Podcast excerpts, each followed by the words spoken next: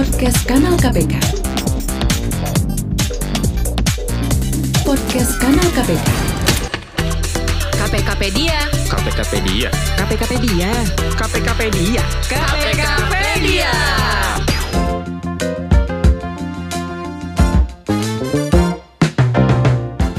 kawan aksi, balik lagi di KPKpedia, program yang kita tunggu-tunggu nih karena kita di sini bisa tahu isu-isu apa yang ada di KPK dan kita akan membahasnya kali ini soal politik cerdas berintegritas bersama PLT Direktur Sosialisasi dan Kampanye Anti Korupsi Komisi Pemberantasan Korupsi Bu Niken. Halo, apa kabar Bu Niken? Halo, gimana Bunik. kabarnya sehat? Sehat dong, Bu Niken tetap sehat juga ya. Ah, harus harus harus sehat, harus semangat. Oke, nah Bu Niken kemarin ini kan ada acara KPK nih mengundang 20 parpol datang ke KPK nih. Ada apa rame-rame di KPK kemarin? Eh, acara politik cerdas berintegritas. Sepertinya ini bukan kali pertama ya Bu Niken. Mm-mm. Jadi emang kita suka keramaian, tapi yang baik. Yang baik Gitu ya. Jadi eh, betul kemarin tuh kita mengundang 20 partai politik datang, ketua umum partai politik yang kita harapkan untuk hadir. Mm-mm. Eh, itu eh, istilahnya itu eksekutif briefing gitu ya dan penandatangan deklarasi deklarasi bahwa partai politik eh, mengikrarkan diri berperan aktif dalam upaya pemberantasan korupsi. Intinya itu. Jadi benar sih kita tuh sebenarnya sudah lama KPK sadar bahwa akar dari korupsi di Indonesia adalah dari sisi politik. Dan kita berusaha mengingatkan kembali bahwa partai politik ini dapur utama dari pemerintahan gitu ya. Eh, semua keputusan-keputusan politik itu akarnya dari partai politik. Pimpinan-pimpinan kita dimulai dari kepala daerah sampai kepala negara sampai legislatif sumbernya dari partai politik. Jadi KPK itu sudah sangat concern dengan eh, politik, terutama partai politik itu bahkan sejak 2012. Jadi udah tahun ke berapa tuh? Udah tahun ke-10 ya meskipun ya kita pelan-pelan ya, apalagi dari sisi eh, pencegahannya. Dan kemarin itu kita upayakan lagi, kenapa? Karena bentar lagi 2024 Tahun pemilu ya. banget, Nah. itu semua loh, semua kepala daerah se Indonesia 514 kepala negara, semua DPRD Hmm. di hari Valentine di 2024. Oh iya bener Yoi, ya. 14 Februari Iya, 2024. bener, bener, bener. Di hari Valentine kita merayakan dengan mawar-mawar merah muda di Wah, bener banget. di bilik-bilik pemilu dan itu penting banget itu pesta rakyat luar biasa dan KPK eh, sadar itu gitu. Dan ini artinya eh, KPK ngasih filter ya, ngasih filter untuk ke arah tahun pem- pemilu itu Mhm. supaya si kader-kader polit eh, parpol ini eh, udah punya basicnya gitu. Mm-mm, jadi tujuannya apa? Memang kita menggagas politik cerdas, berintegritas, terpadu. Kita sebut terpadu karena sekarang kan KPK punya eh, strategi trisula ya. Jadi kita penindakan, pencegahan dan pendidikan itu bersama-sama ngeroyok bareng nih sektor politik. 2022 emang partai politik dan penyelenggara pemilu. 2023 kita menyasar masyarakat. Ngingetin lagi, ngingetin lagi. 2024 gongnya mari kita awasi bersama. Jadi gitu. Oh, jadi eh, tiap eh, apa namanya tiap Tahun- tahun itu eh, ada beda concernnya ya. Ada concernnya. Nah, kemarin itu gong untuk partai politik. Kita eh, minta komitmen dari ketua umum parpol untuk bersungguh-sungguh membangun integritas di partai politiknya. Nah, itu baru awal nih. Jadi kalau ditanya, oh cuma gitu doang, enggak, enggak gitu doang, enggak Hmm. cuma rame-rame doang gitu Betul. ya, enggak cuma deklarasi doang.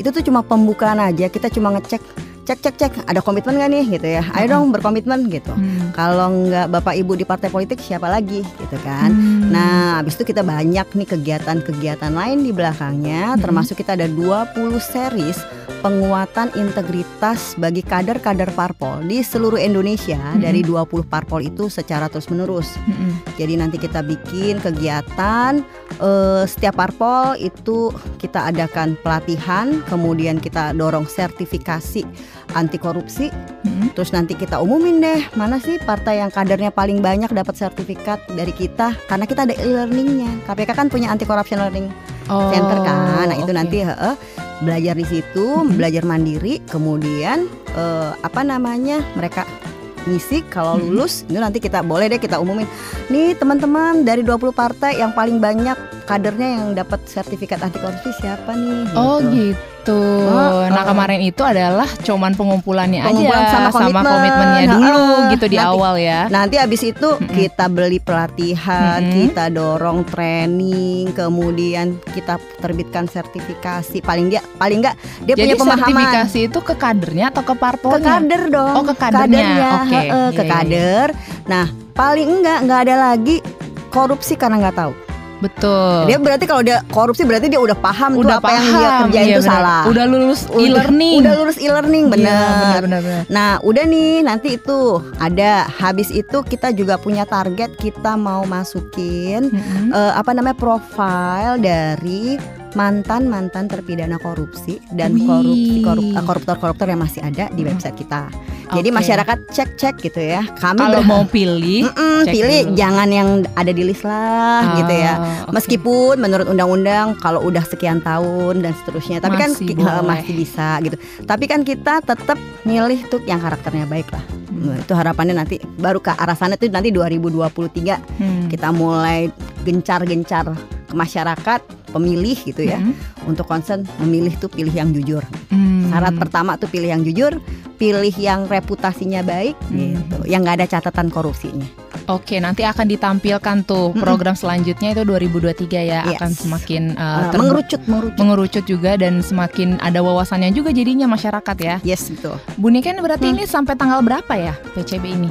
Aduh itu nanti sampai Oktober ya karena partai kita banyak 20 Oh. jadi nanti kita uh, secara series itu Mhm. nanti ada di uh, kita lakukan offline dan Mhm. hybrid karena kita pengen semua DPC sampai ranting kalau bisa Oh. sebanyak mungkin kita udah siapin uh, mau 5000 personil juga mangga silahkan ikut wow. gitu jadi kita memang minta komitmen dulu kemarin dari ketuanya kan dari sekjennya kita juga udah jelaskan ke para sekjen partai jadi kemarin itu cuma gongnya aja mbak yuk Oh. kita mulai nih sekarang gitu. Oke, menarik, menarik, menarik. Nah, yang kemarin itu kalau tidak salah ada keterlibatan atau sinergi dengan KPU dan Kemendagri. betul Itu kenapa dibutuhkan untuk yang sekarang ya? Baru kali ini apa? sebenarnya udah sering ya KPU Bawaslu Kemendagri gitu Heeh. nah khusus untuk Kemendagri Mm-mm. sekarang tuh kan eh, ada PJ penjabat kepala daerah Oke. penjabat kepala daerah itu ada 274 kepala daerah yang akan kosong vakum kemudian diisi sama orang-orang eh, internal pemerintah Mm-mm. menurut kami berisiko juga dua tahun terakhir apalagi di detik-detik masa pemilu Hmm. Eh, kita berharap Kemendagri menseleksi dengan baik, menempatkan pejabat-pejabat yang punya reputasi baik, yang bebas dari benturan kepentingan untuk ditetapkan sebagai PJ kepala daerah gitu.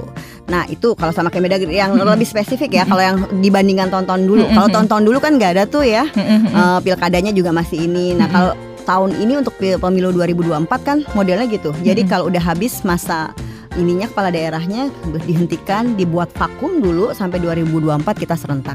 Nah vakumnya ini diisi oleh eh, pejabat-pejabat pemerintah yang apa namanya dipilih sama dipilih. sama oleh Kemendagri, Hmm. diseleksi dan ditetapkan oleh Kementerian Dalam Negeri. Hmm. Nah, untuk itu kita minta Kementerian Dalam Negeri concern supaya memilih eh, profil yang, yang jujur, baik, yang baik ya. jujur. Dua tahun itu bisa menentukan banyak di Hmm. level pemerintah daerah. Kemudian juga kalau untuk KPU dan Bawaslu tentunya gitu ya, Mm-mm. mereka kan penyelenggara dan pengawas. Mm-mm. Kalau KPK kan tindak pidana korupsi nih. Kalau Mm-mm. misalkan tindak pidana dalam pemilihan umum atau ada masalah di Mm-mm. pemilihan kan Bawaslu. Mm-mm. Jadi kita mendorong supaya di Bawaslu sendiri membangun independensi, Mm-mm. kemudian membangun sistem pelaporan yang baik, terus diisi dengan eh, personil-personil yang berintegritas juga. Mm-mm. Jadi dalam penguatan integritas parpol kita minta keterlibatan KPU dan Bawaslu juga. Mm-mm. Gitu. Jadi kita ingetin terus kan tugas KPK ya mengingatkan, Mengingatkan membangun terus. sistem dan menangkap kalau nggak bermasalah. gitu. Betul betul sudah diingatkan, Sudah sudah, dibangun sistem masih bandel, Nah, baru yang terakhir. tangkap.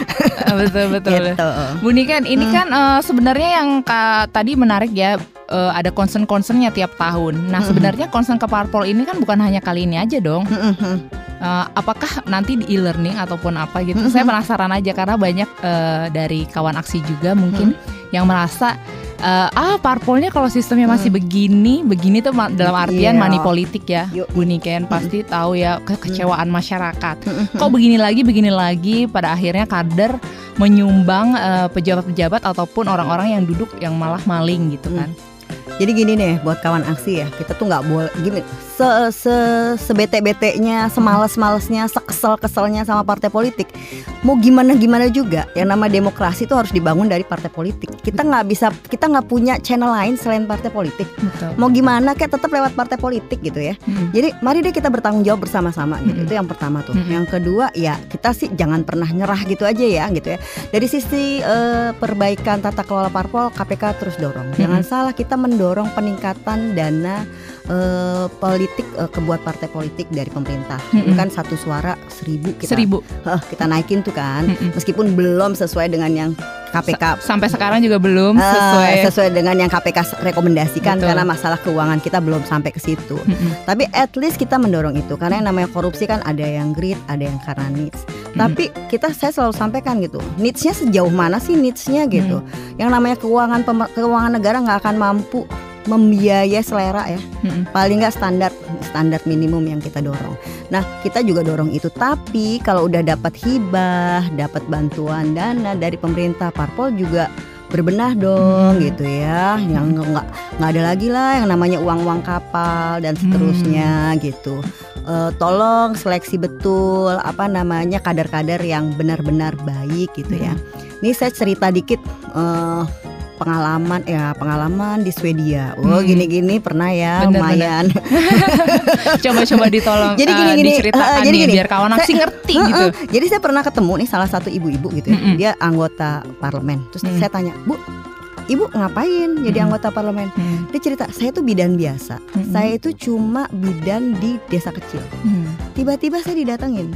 Saya disuratin sama salah satu partai terbesar di sana. Mm-mm. Bu mau ikutan nggak jadi kader? Ah saya males ah gitu kan kata si ibu. Buat apa? Nggak karena kita lihat ibu ini orangnya baik. Ibu berkontribusi ke masyarakat. Hmm. Ibu orang yang layak ditiru. Hmm. Dan dia jangankan uang ya, dia tuh bahkan dipinang gitu. Jadi saya tuh Oh. berharap gitu, aduh semoga ya partai politik kita kalau ngelihat ada orang baik, Seleksi, ada orang baik Mm-mm. itu ngedeketin, Ngedeketin, gitu iya, loh, iya, iya. ngedeketin. Oh, Mm. eh, ikut deh gitu karena Mm. kamu orangnya baik, kamu kerja keras, kamu Berdedikasi. eh, berdedikasi, kamu jadi contoh buat Mm. komunitas kamu Mm. gitu. Mm. Mau dong jadi ini akhirnya si ibu itu mau. Terus saya langsung cerita, aduh, mas, semoga ke depan Mm-mm. partai-partai kita juga betul-betul menseleksi gitu. Dan ini buat eh, kawan aksi semua ya. Ini kasus lah. Ada salah satu kepala daerah di Jawa Tengah misalkan. Mm-mm. Dia tuh ditangkap dua kali Mm-mm. kasus korupsi. Waktu itu saya bilang, lah udah koruptor lu masih pilih lagi gitu kan. No wonder kena OTT lagi gitu. Jadi kata saya, ya ini emang tanggung jawab kita semua Betul, sebagai betul. masyarakat pemilih. nggak bisa nyalah-nyalain, oh karena kita nggak diberi pilihan yang bagus sih gitu. Oke, tapi mari kita jadi cerdas juga. Makanya politik cerdas berintegritas. Ayo yuk cerdas yuk. Ayo jangan ngasal milih yuk gitu. Itu tuh eh, apa namanya yang pengen kita dorong tuh. Uh-uh. Yuk cerdas bareng deh Cerdas gitu. bareng. Jadi Cerdas bukan bareng. hanya parpolnya, Ya. tapi masyarakat pemilih juga cerdas. sebagai pemilih juga harus cerdas harus ya. cerdas Jadi nggak nyalah nyalahin pemerintah, nggak Oh, nyalah nyalahin parpol, Oh. tapi dia bertanggung jawab atas apa yang dia Bener. pilih. Maka gini, itu anggota eh, legislatif bla bla bla begini begini. Lah, yang milih juga elu Iya, kan. benar, benar, gitu. benar. yang milih kan juga Anda, Pak. benar benar benar. Ini cerdas bareng-bareng ya, Ya, menarik. Cerdas bareng-bareng. Menarik banget ini. Nah, ya, tadi ada 20. Sebenarnya kan nggak Hmm. hanya 20 ya partai politik, Bu Niken. Kenapa sih dari 70 partai politik yang terdaftar di Kemenkumham hanya melibatkan 20 partai? Karena kita memang patokannya yang ikut pemilu kemarin dan yang Oh. terdaftar. Jadi kita double saringannya. Yang ikut pemilu 2019 Mm-mm. kita lihat dan kemudian masih ada di Kumham sampai sekarang. Oh. Karena pendaftaran di KPU-nya baru Agustus. Oke. yang dapat nomor-nomornya baru Agustus. Jadi memang kemarin itu banyak yang protes ya, kok partai saya enggak dan seterusnya. Mm-mm. kita yang sudah pernah ikut pemilu dan sudah ada eh, kader-kadernya yang Oke. eh, yang yang yang ada di parlemen maupun eh, belum ya. Tapi paling nggak kita lihat yang ini nih, yang terdaftar di 2019 dan sekarang ada di Kumham gitu. Jadi seleksi kemarin yang 20 itu seperti itu. Bahkan kita juga mengundang yang dari Partai Aceh loh. dengan Iya, karakter- ada empat ada ya. empat dari Ada partai- empat partai Aceh itu. partai Aceh yang ikut gitu. Nah Hmm. itu kita undang juga ke Jakarta. Jadi intinya sebenarnya kita nggak ngebeda-bedain Mm-mm. semuanya besar kecil Mm-mm. selama dia kemarin ikut sebagai kontestan di pemilu 2019. Oke, oke. Ah, ngerti nih, makin paham ya kawan aksi karena mungkin eh, masalah politik ini kan susah dicerna ataupun ya itu tadi ya kita harus membawakannya dengan apa bahasa-bahasa yang kawan aksi mudah mengerti mungkin ya Bu Niken ya. Supaya nggak salah paham, nggak salah tangkap juga ya. Jadi tahu KPK ini kerjanya ngapain Hmm, gitu ya. banyak ya. Banyak ya. nah, abis itu ya ke setelah kemarin eh, ketua umumnya ya, Mhm. ketua umum dan sekjen-sekjennya ibaratnya. Hmm. Lalu Dan bendahara umum juga. bendahara umum juga. Nanti diapain tuh kadernya setelah di eh, sudah sertifikasi? Berarti kan diumumin dipampang Mhm. namanya di website gitu. Ya, pertama dari sertifikasi kita ngasih pemahaman-pemahaman ya. Mm-mm. Apa sih gratifikasi, apa sih Oke. suap, apa sih extortion atau pemerasan Mm-mm. gitu. Oh, kalau gini-gini atas nama partai nggak boleh meres juga dan Hmm. seterusnya dan eh, apa namanya kita juga menguatkan SPIP eh, apa ya kok aku jadi lupa ya pokoknya SP, SPIP. SPIP itu untuk perbaikan di internal sistem integritas partai Oke. ya akhirnya ingat juga Sistem integritas partai ya. Eh, sekitar sistem integritas partai itu apa-apa aja yang harus di- dikelola transparansi, akuntabilitas keuangan. Makanya bendahara kemarin kita undang juga Oke. kayak untuk eh, transparansi keuangan eh, partai. Lebih ke ke badannya si Iya, parpolnya ya. si parpol. Mm-mm. Tapi itu semua materi yang ada di e-learning. Mm-mm. Terus kemudian habis itu ngapain? Kita setelah dapat sertifikat kita minta Mm-mm. eh, rencana aksi nyata dari Oh. masing-masing kader atau partai politik Menarik secara nih. kelembagaan untuk diimplementasikan. Jadi memang di 2022 kita dorong selesai habis itu kita minta rencana aksi dari masing-masing parpol dan kader untuk diimplementasikan. Nanti kalau implementasinya udah jalan kita bisa kasih reward juga gitu ya dari Mm-mm. KPK-nya. Oh ini loh partai-partai yang mengimplementasikan eh, program-program anti korupsi.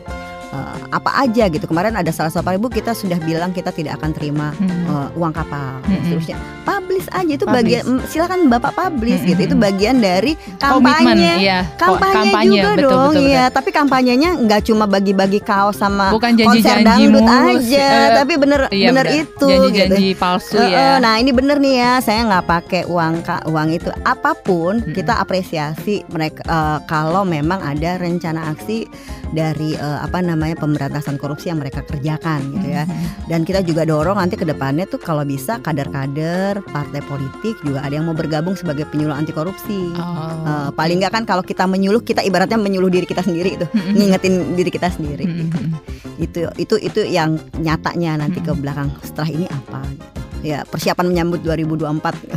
Wah menarik banget di tahun politik kayaknya Mhm. bentar lagi jadi ya emang harus fondasinya banyak banget yang harus dipersiapkan KPK ya. Betul betul. Ini selama ini 2022 udah mulai 2023 mungkin akan tadi ya Mhm. lanjutan dari P- eh, Eh, PCB. program PCB-nya yang terpadu ini ya. Nah, itu sebenarnya bagian 2023. PCB juga Bagian tuh. PCB bagian, juga ya. PCB juga itu. Benar benar benar. Nah, harapannya dan tindak lanjut dari program ini ke depannya kan tadi ya berupa rencana aksi sama implementasi itu ya. Mm-mm, Bu. mm-mm. Atau emang ini sifatnya kan ada juga ya, ah gue nggak usah bikin deh gitu kan atau kayak gimana? Nah emang sebenarnya it- sebenarnya itu bagian dari kit- dorongan kita ya. Makanya Mm-mm. kita sebenarnya jadinya pengen naming and rewarding gitu ya Hmm. buat or- buat eh, apa kawan aksi atau partai politik atau kader-kader parpol Mm-mm. yang punya kontribusi ke upaya pemberantasan korupsi Mm-mm. Eh, dan bagaimana kita bersiap menyambut eh, apa namanya perhelatan pemilu 2024 nanti gitu. Mm-mm. Eh, itu sebenarnya kita tuh berharap itu bisa bisa ke semua semua masyarakat, semua elemen gitu kan namanya partai politik biasanya kan biasanya kan juga perwakilan dari masyarakat, Masyarakat, ya, iya. perwakilan dari masyarakat dan mungkin di sana juga eh, kader-kader parpol itu termasuk mungkin yang punya punya apa ya punya daya daya daya tarik atau Mm-mm. misalkan dia bisa bisa mem- bisa mengajak yang Menginfluence. nah Mm-mm. menginfluence eh, masyarakat sekitar Mm-mm. gitu tuh jadi bagian dari pemberdayaan eh, masyarakat juga buat KPK gitu yuk yuk mari bareng-bareng gitu dan kita berharap nanti kita jujur dimulai dari saya jujur barengan Mm. mari pilih yang jujur gitu itu sebenarnya nanti tagline-tagline yang akan kita dorong Mm-mm. ke masyarakat Mm. Tapi kalau misalkan parpol yang nggak gerak apa-apa kan juga masyarakat juga bingung lah gue milih yang jujur yang jujur yang mana nih gitu kan. Itu siapa di- lagi nih yang Ah, dipilih? ah, nah makanya kita sebenarnya di sini kita berharap kontribusi partai politik sehingga nanti di 2024 masyarakat punya opsi punya opsi pilihan yang baik gitu. Hmm. kan akan lebih lebih enak uh, kalau galaunya sama-sama baik gitu kan. Betul betul betul. kalau galau-galaunya sama-sama buruk gitu. Mm-mm. Sementara kalau saya nggak terlibat, saya ngisi kotak kosong Mm-mm. juga nanti sama aja. Artinya eh, bagi parpol rugi sendiri kalau nggak mengimplementasikan itu betul. ya. Sebenarnya itu Artinya bagian ini dari nilai jual. jual, ya. Nah, nggak ada nilai jualnya ada kalau nggak ikutan. Iya benar gitu. benar benar. Ih Oh. menarik banget ya ini harus diimplementasikan sama parpol juga dan juga masyarakat semakin apa sih namanya mengerti ya siapa Mm-mm. orang-orang yang harus mereka pilih gitu. Betul.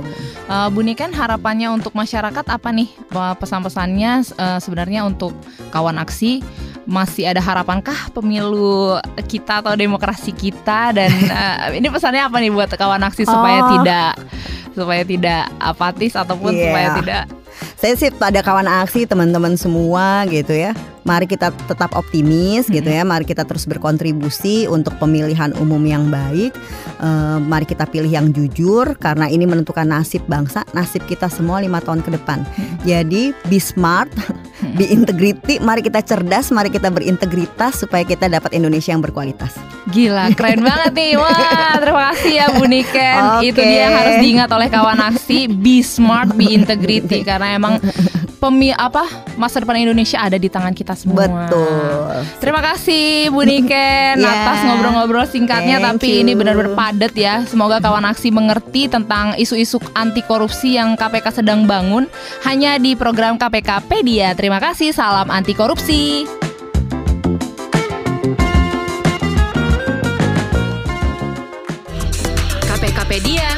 KPKpedia. KPKpedia.